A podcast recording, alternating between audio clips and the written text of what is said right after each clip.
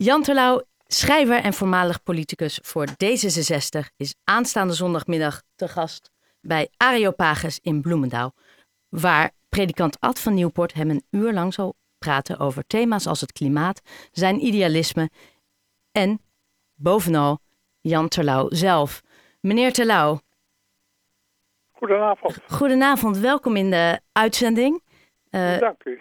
Uh, nou, allereerst uh, ja, heel, erg, uh, heel erg fijn dat u tijd op pakjesavond heeft kunnen vrijmaken.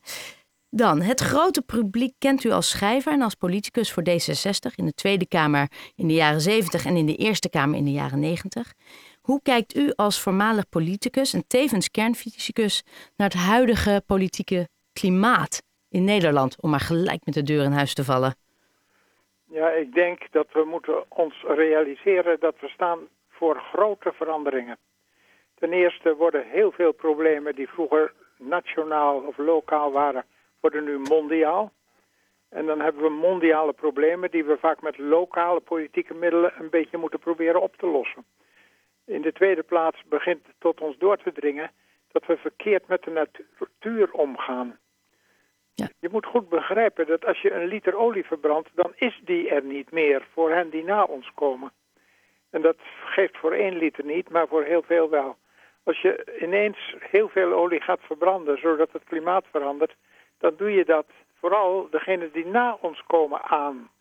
En dat begint door te dringen en daar moet de politiek op reageren, wat hij nog onvoldoende doet. Want als u de politiek zou mogen adviseren waar nu, uh, de, nu de belangrijkste focus op zou moeten liggen, uh, inderdaad milieu, klimaat, maar ook uh, ik weet dat u zich hard maakt voor alle plastic wat wordt verbruikt en de uitlaatgassen. Wat zou u dan als eerste zeggen?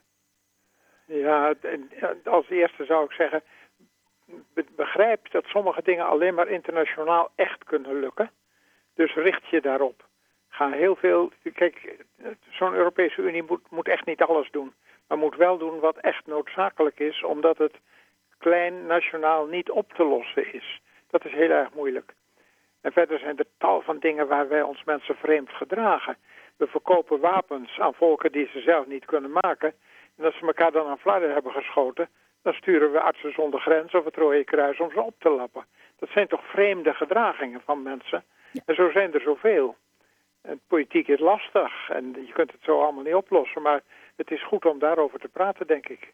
Ja, omdat in ieder geval bewustwording is op, volgens mij anno nu heel belangrijk. En van daaruit kan je verder voortborduren, zo gezegd. Ja, ik ben ervan overtuigd dat als het echt tot mensen doordringt wat we de mensen die na ons komen aandoen, onze kinderen en onze kleinkinderen, als het doordringt, dan willen we dat niet, want we hebben het beste met ze voor. Ja.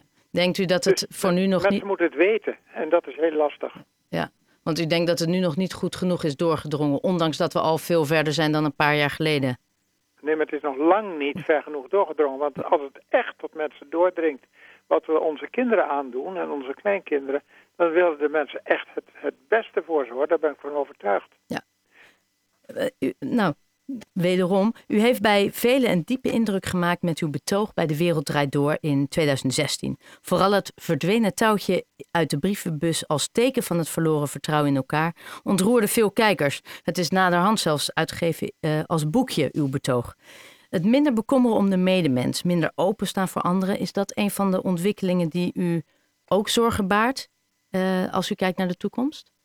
Dat doet het zeker. En het heeft denk ik ook te maken met onze toegenomen welvaart. Mensen die rijker worden hebben meer te verdedigen. En dat is ook gevaarlijk als je dat wilt doen. Ja. Dus ja, we moeten erover nadenken. Wat praten we nog over de keuzes tussen wat wenselijk en niet wenselijk, wat goed en wat kwaad is? Eh, praten we nog over moraliteit? Dat klinkt eh, ontzettend moralistisch, maar moralisme is niet zo slecht hoor. Moralisme is toch de essentie van het mensdom. Dus ik vind dat we daar toch weer wegen moeten vinden om daar meer met elkaar over te praten. Heeft u het uh, gevoel dat vroeger werden we heel erg opgevoed met bepaalde normen en waarden. Heeft u het gevoel dat in Nederland de moraal, normen en waarden wat minder of meer naar de achtergrond zijn vervaagd? Ja, dat gevoel heb ik zeker. En dat komt onder andere, denk ik, door het leeglopen van de kerken. Meer, dan de helft van de Nederlanders is niet meer religieus en er is helemaal niks tegen, vind ik. Behalve dan dat vroeger in al die religies werd er toch veel gepraat over het, de, de verantwoordelijkheid om te kiezen tussen goed en kwaad. Wat we moraliteit noemen. En daar moet iets voor in de plaats komen. Dat het vroeger gebeurde. We moeten de jeugd, en de jeugd snakt er ook naar hoor, is mijn gevoel. Om weer mogelijkheden te hebben om over dat soort dingen met elkaar te praten. En daar hebben we nog niet, niet zoveel vormen voor gevonden. Nee, denkt u dat daarvoor ook een taak bij, hoewel er al zoveel druk op het onderwijs ligt, maar zou, daar, zou het onderwijs daarmee kunnen helpen?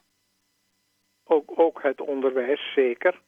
Het onderwijs zou bijvoorbeeld, denk ik, van, van jongs af aan veel meer nadruk kunnen leggen op het vak staatsburgerschap.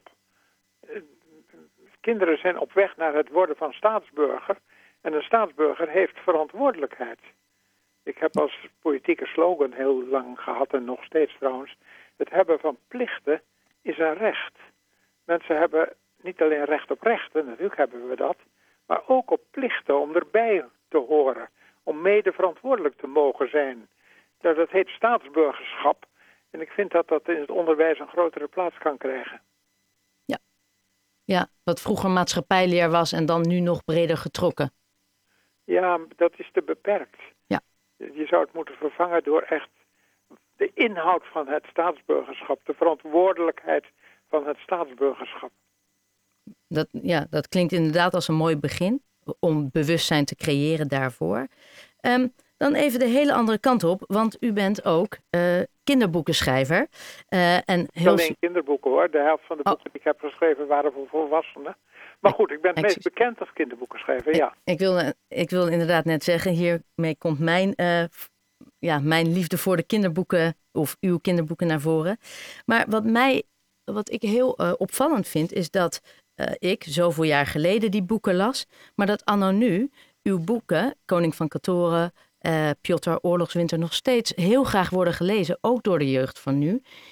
Uh, terwijl daar best een groot gat tussen zit. Wat denkt u dat de reden is dat zoveel jaar daarna uh, ook deze generatie zich zo kan vinden en zo graag uw boeken leest? Ah, ik vind het geweldig natuurlijk dat dat gebeurt. En ik denk dat het komt omdat ik altijd thema's heb gekozen die niet modistisch waren. Die niet tijdelijk in de belangstelling waren, maar grote, wereldwijde problemen waarvan je weet dat er nooit een, een 100% oplossing komt. Problemen die blijven. Ik denk dat dat de oorzaak is. Ja, want ik heb heel lang in uh, Engeland gewoond. En Oorlogswinter is uh, ook nou ja, vertaald in het Engels. En zelfs die Engelse kinderen, uh, die lazen heel graag die boeken. Dat toch wel mooi om te zien, lijkt mij, dat dat zo ver reikt. Ach, dat is natuurlijk fantastisch voor mij. Hè? Dat is, dat is echt de verrassing van mijn leven hoor, dat ik schrijver ben geworden. Ik ben wiskundige natuurkundige en, en, en, politicus lang geweest. En helemaal nooit het gedachte gehad dat ik schrijver zou worden. En dat is echt een verrassing die, die tot op de dag van vandaag blijft. Ja, want het was uw vrouw die zei, uh, daar moet je iets mee doen. Mijn vrouw die heeft, ik vertelde altijd verhalen aan de kinderen. En mijn vrouw die begon hoe langer hoe meer op aan te dringen, schrijf op. Want je, je, hebt, je fantasie groeit en groeit. En zonder, er gaat weer een mooi verhaal het raam uit. Ja, ik zei wel nee zeg, ik ben natuurkundig, ik doe, ik doe kernfusieonderzoek, kom nou. Maar ze bleef maar aandringen en toen heb ik het uiteindelijk zonder enige verwachting ervan te hebben toch gedaan. En kijk, ja. het, het, werd wat. Maar had, had zij, uh, u was verbaasd door het succes, was zij minder verbaasd? Zag zij dit, zij had zij dit... Was, zij was absoluut niet verbaasd. Dus dat heb ik je altijd wel gezegd. Ja. En dat heeft ze ook jaren gedaan. Ze zei, schrijf op en je zult zien dat het een succes wordt. Want op hoeveel boeken zitten we inmiddels? Nou, een stuk of 25. Van de helft voor de jeugd. Ja. Maar ik heb er ook een heel stel geschreven met mijn dochter Sanne. Hè? Ja. Al negen hebben we samen geschreven. Boeken voor volwassenen. En, en, en Oorlogswinter is natuurlijk ook verfilmd. Wat vond u van de filmversie van het boek? Ik vond, ik vond het mooi gedaan, Oorlogswinter. Ja. ja. Ja, nee, ik, ik, ik ook. Maar dat, uh... um, nou, dan iets heel anders. Aanstaande zondagmiddag, 8 december, bent u te gast bij het maandelijkse interviewprogramma Areopagus in de Dorpskerk in Bloemendaal. Uh, een uur lang wordt u geïnterviewd door de predikant Ad van Nieuwpoort. Wat ik dan wel weer heel toevallig vond, is dat hij net als u zoon is van een dominee. Um, en zelf ook dominee. Hij is ook dominee. Hij, is, hij is, is hij zoon van een dominee? Ja. Oh. Hij, hij is dominee en tevens zoon van een dominee. Aha. Nou, dan vertel ik u iets nieuws. Maar inderdaad, dat heeft u alvast uh, met hem gemeen. Um, Nou, hij gaat u diverse uiteenlopende vragen stellen. Hij gaf inderdaad aan, hij zal het ook over het klimaat hebben, over uw idealisme en bovenal over Jan Terlouw zelf. Um, wat, wat kunnen de aanwezigen verwachten en waar hoopt u zelf op? Ja, ik, ik weet het niet. Het is, het is dominee van Nieuwpoort die de vragen gaat stellen. En dat hebben we niet uh, voorgesproken allemaal. Maar ik denk dat hij zal willen weten wat mijn visie is op de wereld als als natuurkundige en als ex-politicus. En ja, en, en misschien ook wel als zoon van een dominee. Ja, waarschijnlijk wel, want de locatie is ook in de kerk. Bent u vaker geïnterviewd in een kerk? Het is ook een hele mooie kerk, dat terzijde. Maar eh, u bent zoon van een dominee. U heeft een gesprek straks met de predikant. Heeft dat voor u iets extra's? Dat is wel eens vaker gebeurd. Maar ja, in ik, ik voel me in zo'n kerk eigenlijk heel thuis. Het voelt heel vertrouwd. Ik ben erin opgegroeid, dus ja. Dus... Ik, vind, ik vind het heel gewoon eigenlijk om in een kerk te spreken met een dominee. Ja, ja. Vroeger sprak ik natuurlijk niet met een dominee. Ik luisterde naar een dominee. Vooral mijn eigen vader. Ja. Maar uh, ja, ik, ben, ik, ik, voel me niet, ik voel me niet vreemd in een kerk. Nee, nou en, en wat ik uh, weet is, uh, ik vermoed dat de kerken vol zal lopen. Ik, ho ik, hoop ook veel kinderen.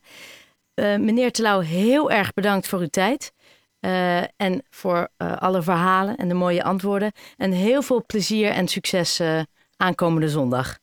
Ik vond het heel plezierig, dank u wel. Ik ook. Dank u wel, meneer Telau. Tot zondag.